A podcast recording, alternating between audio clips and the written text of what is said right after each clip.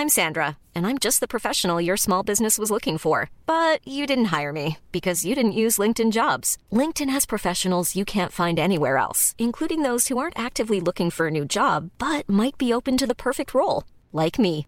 In a given month, over 70% of LinkedIn users don't visit other leading job sites. So if you're not looking on LinkedIn, you'll miss out on great candidates like Sandra. Start hiring professionals like a professional. Post your free job on linkedin.com/people today. Even when we're on a budget, we still deserve nice things. Quince is a place to scoop up stunning high-end goods for 50 to 80% less than similar brands. They have buttery soft cashmere sweaters starting at $50, luxurious Italian leather bags, and so much more. Plus, Quince only works with factories that use safe, ethical, and responsible manufacturing. Get the high-end goods you'll love without the high price tag with Quince. Go to quince.com slash style for free shipping and 365-day returns.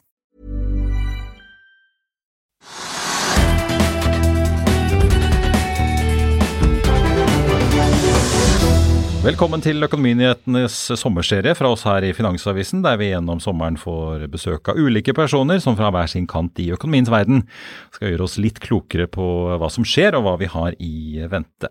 I denne episoden skal vi snakke med en person som eh, både kunne fått merkelappen serietech-gründer og serietech-investor, og med en sektor som både er så viktig, så utvikling og akkurat nå for tiden så upopulær blant mange investorer takket være stigende renter. Ja, hvem eh, er det vel bedre å få besøk av enn deg, Jens Rugseth? Velkommen til oss. Tusen takk.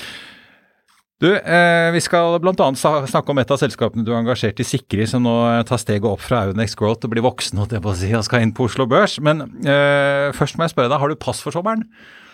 Jeg har pass for sommeren, eh, men eh, jeg vet ikke om jeg skal til utlandet. Det er mulig jeg skal en tur til London, fordi vi har et firma som heter eh, Okki, The Social Gaming Group.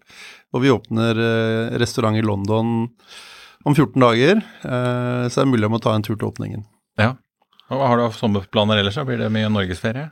Ja, det er båtliv og eh, Norges vakreste by som uh, står i sentrum. Og det er- Kragerø, selvfølgelig. Oi, oi, oi, der fikk du sikkert på noen uh, fans og noen uh, fiender. Ja, det tror jeg. Du, eh, når du tar ferie, da, klarer du å koble av, eller er du en sånn som sjekker mail og telefonen jevnlig utover dagen? Så jeg, jeg har en ambisjon om at jeg skal Eller jeg står tidlig opp, gjerne før barn og gjester og sånt noe. Så mellom seks, sju og frem til ni-ti så er jeg veldig på mail og på telefoner. Og så prøver jeg å unngå telefonen resten av dagen hvis det er mulig. Men av og til så er det jo vanskelig. altså Jeg har da rotet meg bort og gjort noen børsnoteringer på sommeren og sånn, og det, ja, det er ikke noe jeg anbefaler for noen. Nei, ikke sant.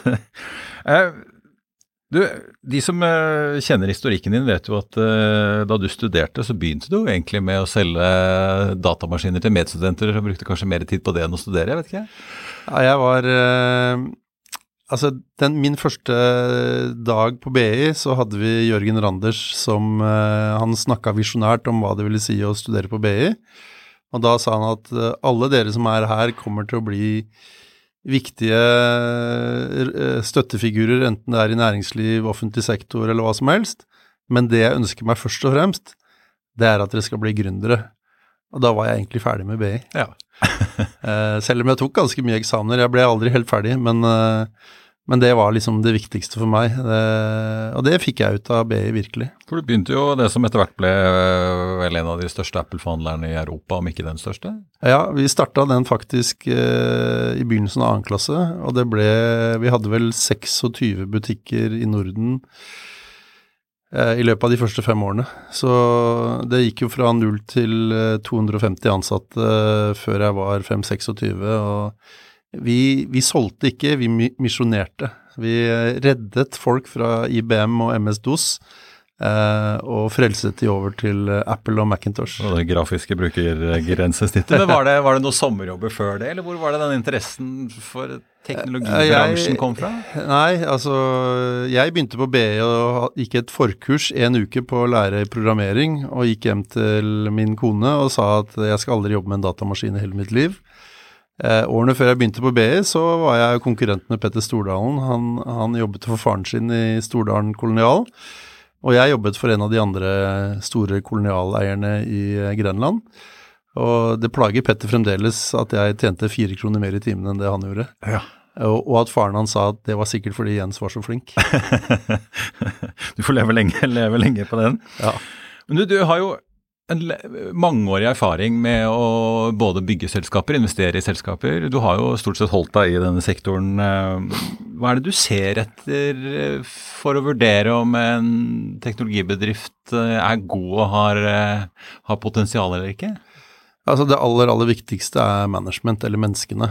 Uh, hvis du tar et selskap som Crayon, og vi startet det i 2002, så sa jo alle Altså i hva skal vi si, teknologikonsulentfirma?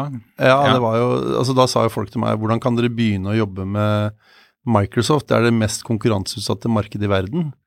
Det, sa jeg, men det handler ikke om det. Det handler om at vi har de beste menneskene. Vi har, uh, vi har det som skal til. Så vi hadde veldig gode mennesker. Det er det første. Og det andre er at du må ha en forretningsmodell som skalerer. Uh, og jeg pleier alltid Jeg har jo besøk av mindre selskaper, enten det er skalering eller startup, ukentlig. Og det jeg sier til dem, at det, jeg er ikke så veldig opptatt av uh, alt det visvaset dere har tenkt å fortelle meg gjennom de 60 foilene, men det dere må fortelle meg om, det er har dere en, uh, på godt norsk, urettferdig fordel? Mm. Unfair advantage. For hvis dere klarer å etablere urettferdige fordeler, så kan du bygge en forretningsmodell rundt det som gjør at du kan skalere virksomheten. Hva kan det være, f.eks.? Uh, ja, la meg bruke et eksempel fra en av de virksomhetene vi er inne i. Altså, vi har jo treningssenterkjeden EVO, uh, som er en fantastisk virksomhet. Når, Ubetjente sentre ja, når, når, jeg, ja. når, jeg, når jeg traff de, så hørte jeg på de ti minutter, og så sa jeg ok, dette skal vi være med på. Han, det første han fortalte, var at vi, vi tjener penger fra 575 medlemmer. Eh, våre konkurrenter må opp i rundt 2000. Eh, per senter, altså? Per senter, ja. Mm. Vi har eh, fokus på tre ting. Vi har de beste, det beste utstyret. Vi har den beste rengjøringen, og vi er 100% digitalisert. Og jeg pleier å si til folk som spør ja, hva er forskjellen på EVO og SATS, og da sier jeg at nei, SATS det er som Tinder 2, mens EVO det er for folk som liker å trene. Veldig fokusert, en klar urettmessig fordel i måten de er organisert på, eh, hvor få medlemmer de trenger for å tjene penger, eh, og hvor mye plass det enkelte medlem føler at de har. Mm. Og Konsekvensen av det er at vi kan åpne et treningssenter omtrent på ethvert nes og tjene penger, mens konkurrentene våre har en helt annet eh, risiko i å etablere nye senter. Du har en mye lavere stang å hoppe over, rett og slett? Eh, rett og slett. For å dra en sportsanalogi? Ja. ja. Du, I en sommerspalt hos oss har du kalt uh, toppsjefer noen grådige svin? Ja, det var jo Det er jo mer den uh, altså politiske uh, Hva skal vi kalle det? Polemiseringen i, i, i den politiske diskusjonen at hvis du tjener godt, eh, så gjør du det på bekostning av dine ansatte, og, og, da er du noen grådige svin. Og det kommer jo opp i forbindelse med at Haaland tjener like mye som ja, 150 toppledere i Norge. Eh, og han er en helt, mens uh, disse lederne er noen grådige svin. Og det man da ikke tar hensyn til, det er at dette er folk som ofte jobber betydelig mer, tar et betydelig større ansvar, og ikke minst betydelig større risiko.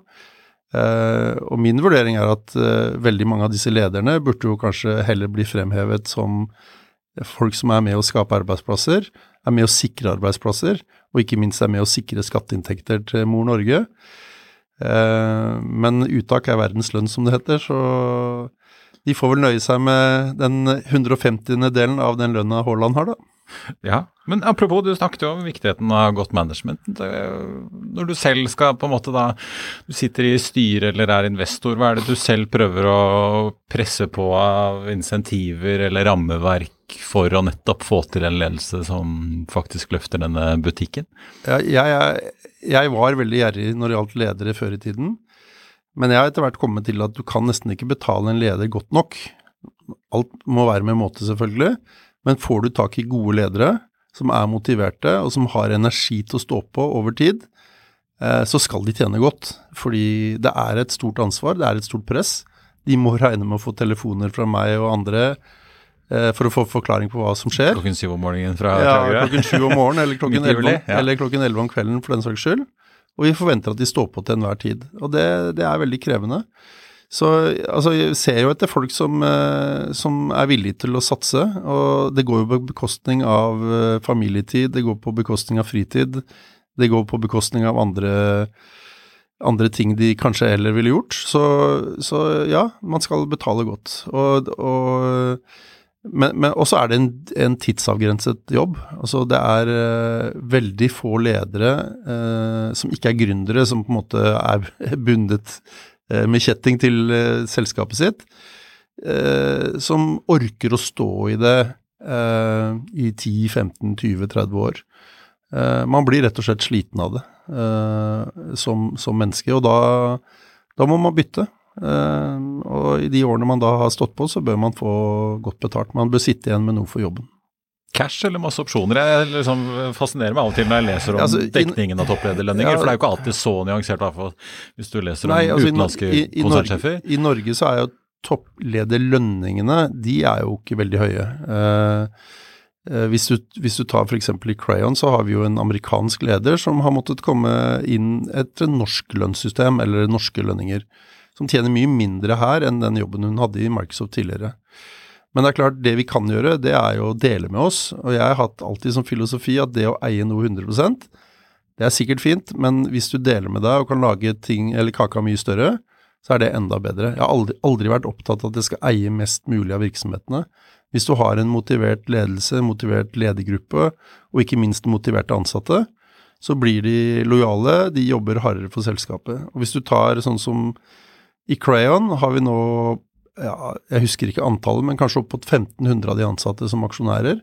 Og det er kjernen. De, der har vi jo nesten ikke noe frafall.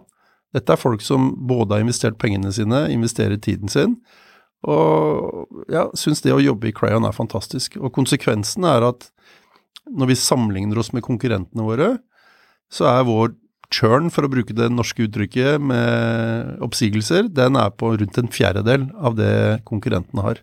Og det er kanskje hyggelig i en tid hvor arbeidsmarkedet koker? Ja, det er veldig bra for selskapet, det er bra for kollegene, det er bra for uh, selskapet. Så, så, og derfor, så, ved å dele, så får du mer.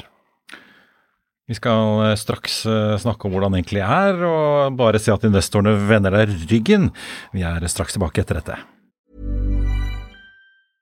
I'm Sandra, and I'm just the professional your small business was looking for. But you didn't hire me because you didn't use LinkedIn jobs. LinkedIn has professionals you can't find anywhere else, including those who aren't actively looking for a new job but might be open to the perfect role, like me.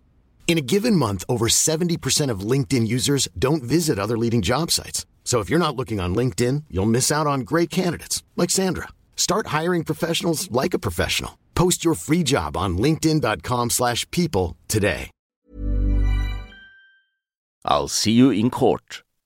Vi sier det ofte litt på spøk, men for deg som driver business, er det aldri moro å innse at du ikke har laget en 100% gyldig kontrakt. Du bør ikke risikere hele firmaet ditt fordi du synes dette med kontrakter er litt stress. En avtale er ikke en avtale. Du kan miste kunder, miste venner, ja, til og med miste inntekter om du ikke lager en skikkelig kontrakt, på alt mulig, egentlig. Men vi vet det er et styr, kopimaskiner, tregprinter og haugevis av papir. Dessuten stoler vi jo på folk her i landet. Det er ofte litt kleint å skulle be om en signatur for alt mulig, ja, for mye av styret handler også om jakten på underskriften. Det finnes en enkel måte å løse dette på, Dukkobit, en trygg, effektiv og get this, gratis måte å sikre seg en god natts søvn pluss en juridisk bindende avtale. Dukkobit-appen har de strengeste sikkerhetskrav i bunn, samt en EU-godkjent og sertifisert teknologi. Framover vil det bli behagelig å spørre du, skal vi skrive under på det, eller? Kom i gang på dukkobit.no.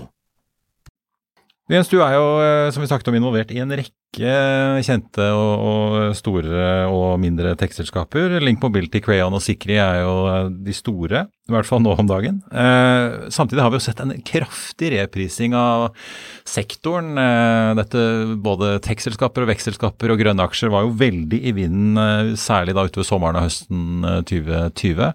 Uh, og I USA har vi jo egentlig sett at mange av disse selskapene har jo hatt et tiår med kraftig kursvekst. Så har vi de siste, ja, i hvert fall kanskje siden januar i fjor, sett at veldig mange har falt uh, veldig kraftig. Særlig da i takt med at uh, man har ventet et økt uh, rentenivå, som har endret litt på kalkylene. Det har jo rammet også dine selskaper. Hvordan har det vært på innsiden å oppleve at så mange investorer og fond kaster aksjen og heller kjøper trygge og rauste Hydro Aluminium og Equinor og IBM og eller sånn, altså sånn verdiselskaper som så fint heter? Ja. For det første vil jeg jo si at alle disse tre selskapene du snakker om, eh, er en, er, vil jeg si er en kombinasjon av både vekst og verdi. Altså Dette er selskaper som tjener seriøse penger, eh, men de vokser seriøst mye også. Eh, så det er kanskje litt vanskelig å definere det som det ene eller andre, men fordi det er tech-selskaper, så går de liksom i den samme båsen. Eh, er du på børs, så må du leve med at investorer de beveger seg som en sildeflokk. Litt avhengig av hvilken side haien kommer fra, så flyr de i den ene eller andre retningen. Og det er klart, renter, uh, out of favor, den type ting, den får du midt i trynet.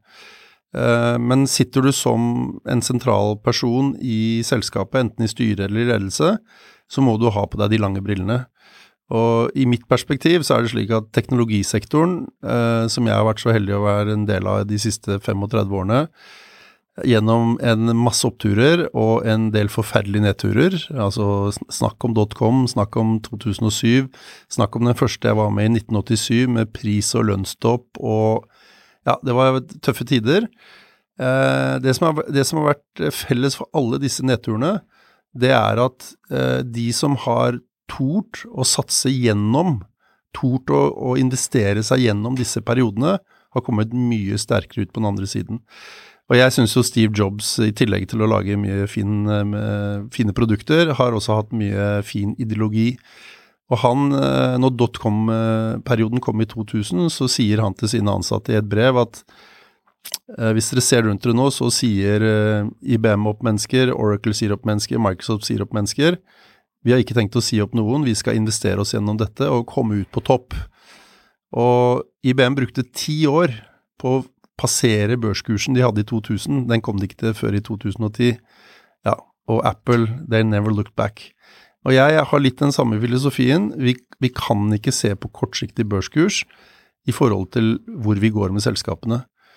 Um, altså Hvis du tar Crayon, vokste 50% i Q1. Ja, aksjekursen har ramla 40% eller tett på 40 eh, Skal vi la aksjekursen styre om vi fortsatt skal vokse 50% eller eller kanskje mer fremover.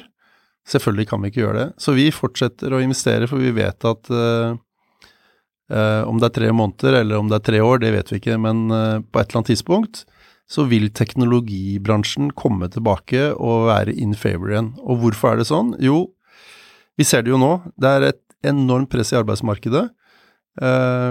offentlig sektor skriker etter varme hender. Uh, ja, det er nesten ikke en virksomhet som restauranter. Alle skriker etter varme hender, og den eneste løsningen er ikke å lage flere barn eller å importere flere mennesker, for det klarer vi ikke i stort nok volum. Eneste veien til løsning er å bruke teknologi og investere i ny teknologi. Eh, så vi vet at i uoverskuelig fremtid så er teknologiutvikling eh, veien til eh, at vi skal få det bedre. Så jeg er veldig trygg på at det er en bransje som den har det tøft nå, men uh, solen skinner bakom neste sving, altså. Det er jeg helt overbevist om. Men så når du sitter da, hvor mye ødelegger da? Se også som Nasdaq eh, er ned 30% i år. Eh, hvis du da skal ut og hente penger f.eks., så får du jo en helt annen prising. Ja, ja, og kanskje investoren er ikke, altså Meglerhuset sier kanskje at ja, det er ikke sikkert du får disse pengene engang. Ja. Selv om du kan vise til at uh, du har omsetning og du har overskudd og du vokser som bare det. Ja, nei, Gjør det at du må på en måte Er du en da som setter deg på gjerdet og venter litt, eller må, prøver du da å finne andre kilder til finansiering og kapital? Eh, ja, altså eh, at, at, markedet er vanskelig i forhold til å få penger nå, kortsiktig, det er ingen tvil om. Eh, men gode prosjekter får også penger i dårlige tider. Jeg er rimelig trygg på at hvis jeg hadde trengt penger til Crayon i dag, på nåværende aksjekurs, så hadde jeg fått det. Det hadde vært mye hyggeligere å få det på 200 kroner enn på 130 kroner. Men da må du alltid tenke på hva er som er best for firmaet. Altså ja, det er kanskje best for meg at vi gjør det på 200, men vi trenger det nå. Uh, og da må du faktisk være villig til å si at ja, uh, de investorene som er villige til å putte opp penger på 130 kroner, de fortjener å komme inn på 130 kroner. Det at du selv føler at du fortjener at det skal være 200, det må du bare glemme. Jeg, jeg er ikke så bekymra, og jeg tror kapitalen er der. Jeg vet kapitalen er der. Den kommer kanskje fra litt andre kilder enn det det har gjort de siste to årene. Vi vet jo at private equity er der så det holder. Eh, vi vet at eh, det er en del større investorer, både nasjonale og internasjonale, som gjerne vil være med på ting, eh, hvis du har gode prosjekter. Så ja, jeg men, men, altså, prosjektene må være gode. Det er vel den store forskjellen fra 2019, 2020 og 2021. At det går ikke lenger å komme med en, et sett med powerpoint-slider hvor du har en god idé, og så kan du få prissatt det. Nå må det være noe som tjener penger, noe som vokser fornuftig, eh, og som har en eh, bunnsolid forretningsmodell. Det føler jeg at selskapene våre har, så jeg er ikke veldig bekymra. Hva, er det som skjer nå, da? Vi, vi så jo Sikri var jo en av disse bedriftene som kom på børs i 2020. Vi så jo en hel drøss med dem. Meglerhusene var jo så hadde så stor pågang at de knapt uh, rakk å skrive børsmeldingen før neste oppdrag kom, virket det som til tider. Uh, så fikk vi jo denne voldsomme reprisingen. Nå ser vi jo Eh, at en del selskaper plutselig blir kjøpt opp av det, nettopp disse her uh, private equity-aktørene. Mercell uh, har jo Toma Bravo kommet på banen med med over 3 milliarder. Eco Online av Apax de bla opp nesten 4 milliarder for. Ja. Earn Software er en annen. og så ser vi andre karre seg opp på hovedlisten som ditt Sikri Holding. Fortell litt om hva som skjer på kammerset nå, egentlig. Ja, altså Det med sikre er jo Det har vært en veldig tydelig plan. Vi, dette var jo en carve-out fra, fra Evry i, for to og et halvt år siden. Uh, vi så vi hadde en, uh, et veldig lønnsomt, men lite selskap som omsatte for litt over 100 millioner kroner. Uh, og vi hadde behov for å få tilgang til å kunne både hente kapital, eh, trykke aksjer, eh, og planen var at vi skulle gjøre oppkjøp for å skape en nordisk eh, stor aktør innenfor eh, programvare til grenseflaten mellom offentlig sektor og privat sektor. Så planen var vi går på eh, Euronex Growth, og vi gjorde jo det etter bare seks måneder. Og så skal vi vokse opp og liksom lære oss IFRS, vi skal gjøre noen oppkjøp og få en størrelse som det er naturlig å gå på hovedlisten. Uh, og det vi sa sommeren uh, eh, 2022, det sa vi når vi gikk på Euronex Road for to år siden. Og så kan du si at ok, det hadde vært hyggeligere å gått på hovedlisten hvis uh, markedet hadde vært bedre.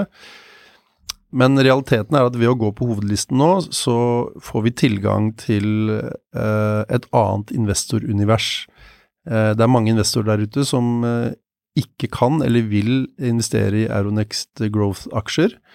Uh, og det er mange investorer der ute som ikke liker rapporteringsrutinene på den lille børsen. Ja, De vil ha rammeverket som beskytter de, dem på De vil ha rammeverket, mm. og derfor så går vi på eller på hovedlisten nå og tror at det vil ha stor effekt. Altså Vi har jo i løpet av disse ja, to årene siden vi gikk på børsen, uh, det er to år om 14 dager, uh, da har vi mer enn tidoblet omsetningen. Vi har fått en sterk posisjon i Sverige, vi har en sterk posisjon i Norge. Og vi har kommet kanskje en tredjedel på veien av det jeg tror vil være naturlig leie for uh, Sikri i løpet av de neste tre, fire, fem årene. Um, som sagt, dette er et segment. Uh, digitalisering av offentlig sektor, digitaliseringen av kommunikasjonen mellom offentlig sektor og privat sektor, spesielt innenfor eiendom. Uh, det er et vekstområde. Det, vil bli uh, det blir ikke mindre av det? Det blir ikke mindre av det, og det er det flere årsaker til. Vi har en stor urettferdig fordel her også. Vi sliter ikke med de store amerikanske produsentene. De syns norsk kommunal sektor blir for lite. Eh, så vi jobber mot nordiske aktører, det er gode marginer, eh, og det er et sterkt behov for de tjenestene vi leverer. Så, så jeg er veldig optimistisk og tror at det å gå på hovedlisten nå vil eh, skape den interessen ute hos investorer Uh, som er nødvendig for at vi skal kunne virkeliggjøre de visjonene vi har, da. Men det dere, altså det dere ser, Sikre henter jo halvannen milliard i en emisjon i disse dager i forbindelse med denne opplistningen. Nei, nei, nei. Vi, det vi gjør, er at vi, uh, vi gjør en liten retail-emisjon ja. på 25 millioner kroner. for å få nok aksjonærer til å kunne være på hovedlisten. Så vi, vi Uh, formalia på en måte, da? Det er i prinsippet for å dekke opp for formalia. Så vi, vi er, akkurat nå er vi i en eh, god situasjon. Skal vi fortsette å kjøpe selskaper, eh, så må vi selvfølgelig eh, vurdere kapitalinnhenting. Eh, men det viktige skrittet for oss nå, det var liksom kom oss på hovedlisten, bli attraktive for eh, spesielt de institusjonene som kun investerer på hovedlistesiden. Eh, skap trygghet gjennom å rapportere etter standardrutinene på hovedlisten, eh, og fortsett å kreere oppmerksomhet. Hvordan leser du disse oppkjøpene som har eh, kommet? da? det spekuleres jo at flere kan komme. Ja, altså, er det prisingen som gjør at disse fondene plutselig har fattet interesse, eller? Ja, ja det er ingen tvil om. Altså jeg, jeg, pleier å si at de selskapene som nå blir kjøpt av børs, uh, det er hovedsakelig fordi at eierne bak, eller investorene, ikke har orkt å sitte gjennom slik at de er i praksis da, oppturen, ja, gjennom syklusen? Ja, slik at de i praksis da er villige til å gi bort den oppturgevinsten som skal komme, til andre. Og det er jo PE-selskapenes eh, modus operandi. Altså de vet at eh, la oss kjøpe selskaper som ikke nødvendigvis er distressed finansielt eller operasjonelt, men som eh, trenger ro for å, for å komme seg gjennom. Og det vil de jo selvfølgelig hente ut eh, enorme gevinster på som jeg syns at de norske investorene kanskje burde tatt seg tid til å sitte igjennom. Det er i hvert fall mitt perspektiv på det. Ja, for det er flere av selskapene du er involvert i. Jeg har jo også nevnt fra analytikerstanden som potensielle oppkjøpskandidater her. Ja, da, da må folk eh, virkelig bla opp. Bla opp, ja. If Fordi, the price is right, som amerikanerne pleier ja, å si. Ja. For jeg, jeg, har tid til å sitte igjennom, og, og, men det er klart, eh, jeg, vi pleier alltid å si at hvis vi er den som klarer å få båten til å gå fortest, så skal vi sitte med ansvaret. Men hvis det er noen andre som kommer og sier at vi vet hvordan vi skal få båten til å gå fortere enn det dere klarer, ja, da, da må vi jo være Altså, vi skylder jo aksjonærene å ta hensyn til det. Uh, men foreløpig så har, kom, har, det ikke kommet noen veldig raske båter uh, uh, til oss, da. Men det er stor interesse på den siden. Men det har det alltid vært, egentlig. Enten det er gode tider eller dårlige tider. Så spesielt mange internasjonale aktører vi snakker jo med de eh, kontinuerlig. Altså Jeg tror ikke det går en uke uten at vi snakker med P-selskaper eller fond eller institusjoner av forskjellig slag som lurer litt på hvor vi er i den reisen vi har planlagt, hvordan det, det ser ut.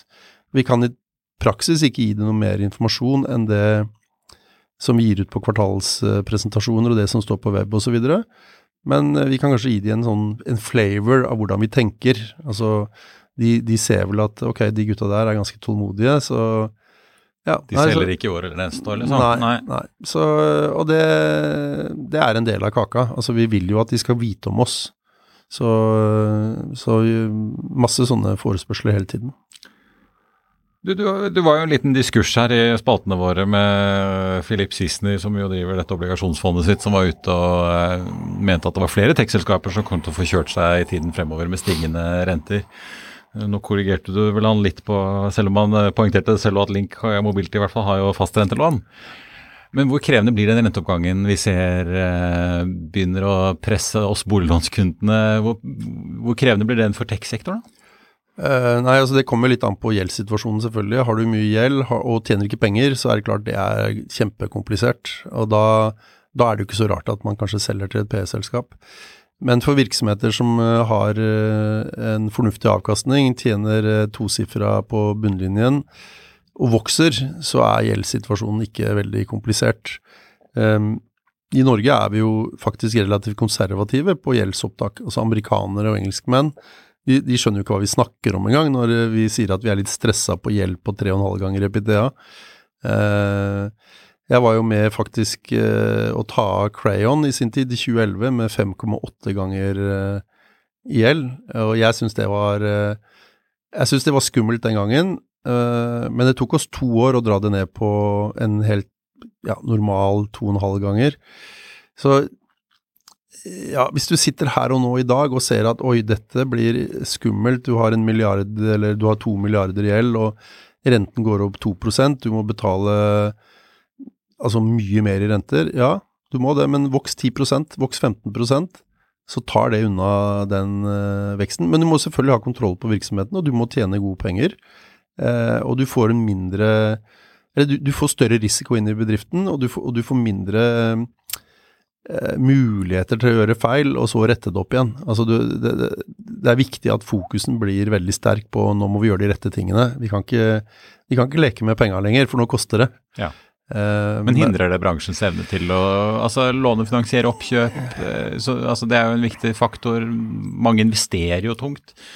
Ja, altså, og spesielt Du kan si at boligrenta går opp 1% er jo én ting. Men når obligasjonslånene nå legges ut, og du får seks måneder Over 3 på amerikansk statsgjeld, så For seks måneder siden så kunne du ta opp et fastrentelån på 3,5 uh, over fem år. Uh, og nå, uh, om du tar opp et lite obligasjonslån nå, så skal de ha 6, 7, 8, 9, 10% på toppen av, av Nibor. Det er klart, da blir det knalltøft. Og de som må ta den type lån, de får det veldig tøft de neste to årene. Jeg, jeg ville helst ikke vært der at jeg trenger å ta opp lån de neste to årene, og det er jeg heldigvis ikke heller, da. Men, men, men ja, altså, dette også er en overgangsperiode. Jeg, jeg tror eh, jeg, Og jeg leser jo litt spesielt i, i, din avis, altså mange som uttaler seg om eh, at alt blir så forferdelig på børsen. Eh, og det er riktig, alt blir alltid forferdelig på børsen, og alt blir alltid fantastisk på børsen. Det blir aldri så gærent som det som står i avisene, og det blir aldri så bra som det man drømmer om. Uh, og jeg tror at veldig mye allerede er tatt ut. Jeg tror ikke Eh, jeg tror ikke det faller 50 til. Eh, jeg men, tror det vi begynner å liksom snuse på en bunnen. Men, men, vi har sikra oss slik at vi kan leve godt med 50% til. Men det er bare fordi at vi er litt konservative sånn sett. Men, men jeg, jeg, tror at uh, det er veldig mange enkeltelementer som vi i den moderne verden har blitt gode til å løse. Vi har blitt gode til å løse logistikkutfordringene som har vært. Vi har blitt gode til å løse komponentutfordringene her og nå så er det, det er to vesentlige ting som, er, som, er, veldig ukjent. Det er jo krigen i Ukraina, og så er det hvor rentene går. Uh, og rentene har, har, gått og vil gå, eh, i stor grad fordi eh, myndighetene, bl.a. i Norge, ikke har hatt kontroll på energiprisutviklingen. Um, og det er fremdeles ukjent, for vi vet faktisk ikke hva de gjør. Og det som er viktig nå, er at politikerne passer på å stramme til, men ikke stramme til for mye. Eh, hvis, hvis, man nå kommer i den situasjonen at nå skal vi ha tre, fire, fem, seks, sju rentehevninger, da må de ta inn over seg at bedrifter i Norge nå har levd med snart et år med ekstremt høye øh, energipriser. Uh, og i første omgang så prøver de å ta ut det ved å øke prisene, dermed inflasjon. Men i neste omgang, og det er rett rundt hjørnet, så kommer oppsigelsene. Og du skal ikke stramme veldig hardt til når oppsigelsene kommer, før det blir ganske alvorlig. Og det dreier seg først og fremst om små og mellomstore bedrifter som har det tøft, og som vil begynne å si opp. Til å begynne med så vil det være veldig bra, for det vil si at folk kan få fylt opp ledige stillinger. Eh, men hvis det er en karusell som fortsetter, så blir, det, så blir det tøft. Da er det viktig at myndighetene ser an hva som faktisk skjer ute i underskogen, og ikke bare kikker på Statoil og Telenor og de store hvor de har, eh, hvor de har eh, eierskap. Inflasjon har jo vært store snakkisen en god stund. Eh, I det siste så har jo flere og flere snakket om resesjon. Tror du på at vi får det? Ja, altså hvis rentene blir satt opp for mye, så kan det er vel det, det du egentlig skisserer så, når du så, begynner å snakke om at nedbehandling ja, kommer? Og, ja, så kan det faktisk skje. Altså Hvis myndighetene tenker at nå skal vi stramme til for mye, og i tillegg skal begynne å bruke veldig mye mindre penger, eh, så kommer du fort i den situasjonen. For det er jo fremdeles slik at selv om stat og offentlig sektor i Norge står for 65 av innenlandsøkonomien, eh, så vil konsekvensene av arbeidsplasser i små og mellomstore bedrifter som forsvinner fordi de ikke har penger til å betale for strøm og bensin og renter, det vil få store ringvirkninger. Og, derfor så er det viktig å opp å, å mane nei, myndighetene til å, til å, tenke to runder før de skal nå spare for mye penger, skal sette rentene for høyt. Fordi konsekvensene for næringslivet er så store, og derigjennom for alle arbeidstakerne. Du sier at du, du tror liksom at vi er, ja, det blir ikke noe 50% fall til kanskje i tech-sektoren, at vi muligens da begynner å nærme oss en slags bunn. Men Hvis du ser på noen av effektene av inflasjonen, da, og ser på særlig kanskje da en del av disse globale aktørene, er kanskje de beste eksemplene å bruke. altså Vi så Netflix oppleve for første gang at abonnementstallet begynte å falle. Antageligvis da for folk begynner å se at det begynner å bli dyrt, så man må kutte ned på forbruket. Og da er vel abonnementstjenester et sted å kutte. Eh, og man begynner å være kanskje mer utendørs enn å bare sitte hjemme og se på serier.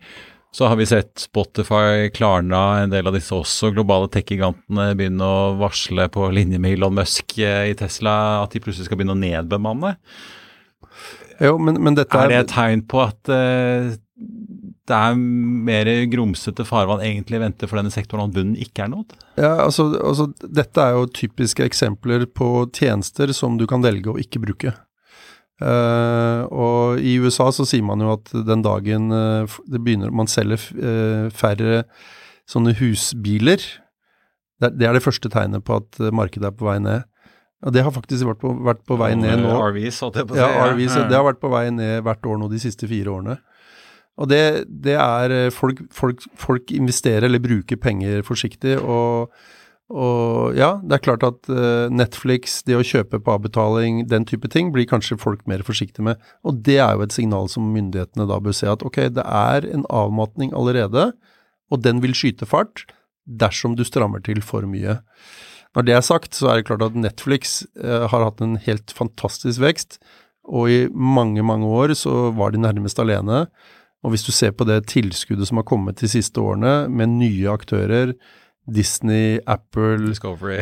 HBO, Discovery, holdt på å si TV2 Play. Så på et eller annet tidspunkt så måtte også Netflix eh, stoppe opp til en viss grad. Og så har de kanskje de, de, de, de, stopper kanskje litt opp av sin egen tyngde og sin egen posisjon. Så om det er et tydelig tegn på at forbrukerne har begynt å stramme inn i sine egne lommebøker, eller, eller prøve å redusere, det er jeg usikker på. Men at vi kommer til å se det i høst, er det jo ikke noe tvil om. Altså bare strøm, øh, bensin øh, og andre avgifter som er satt opp, øh, fjerner jo kanskje så mye som 15-20% av folks kjøpekraft, hvis vi da legger til rentene. Det er klart at må, de kan jo ikke ta sparepengene forever.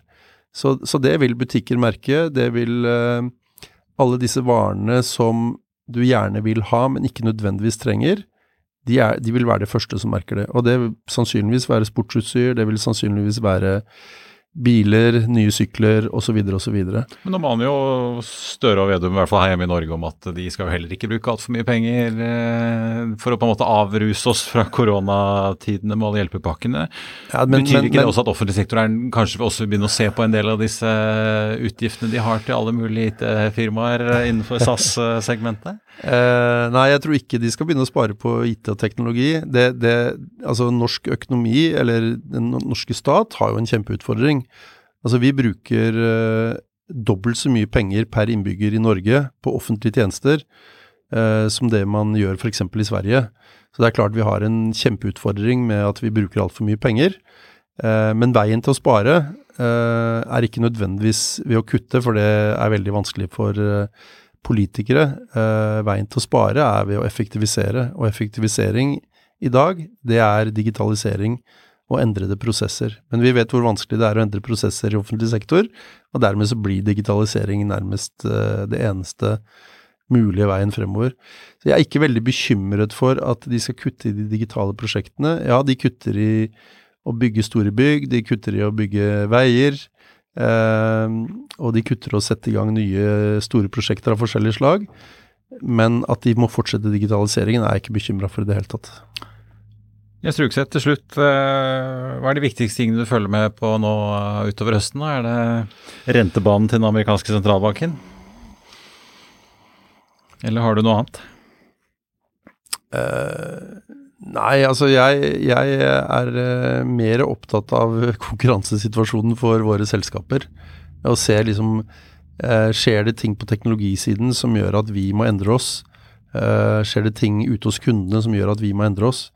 Realiteten er at flere av våre selskaper, hvis du tar Crayon som et eksempel, de, de beste årene rent vekstmessig for Crayon har vært kriseårene bestandig.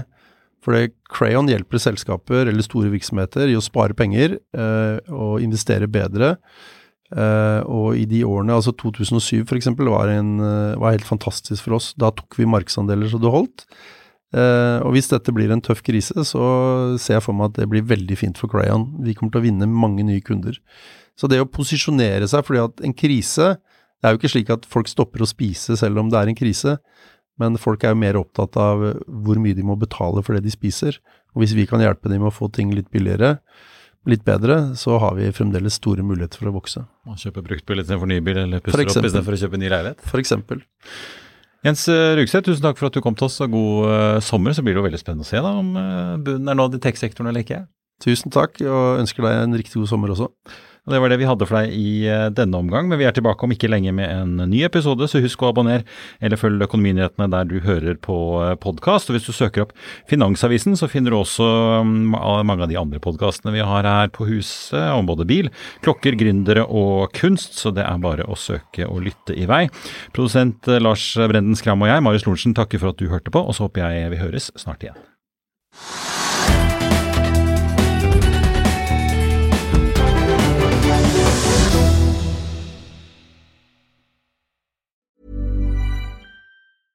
Even when we're on a budget, we still deserve nice things.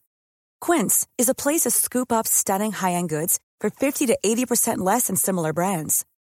They have buttery soft cashmere sweaters starting at $50, luxurious Italian leather bags, and so much more. Plus, Quince only works with factories that use safe, ethical, and responsible manufacturing.